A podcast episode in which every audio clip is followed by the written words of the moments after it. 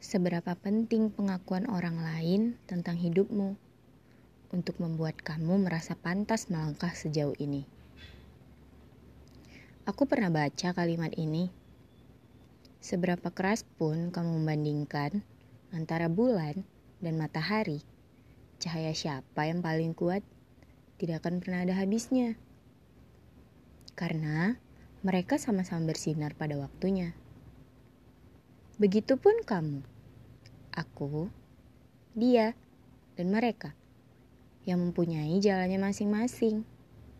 Kita berhasil di takdirnya sendiri.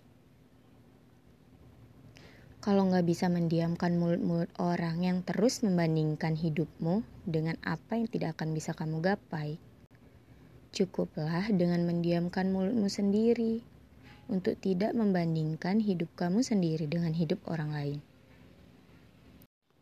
Karena pandangan orang lain gak akan pernah layak dijadikan tolak ukur seberapa sukses kamu sekarang atau nanti.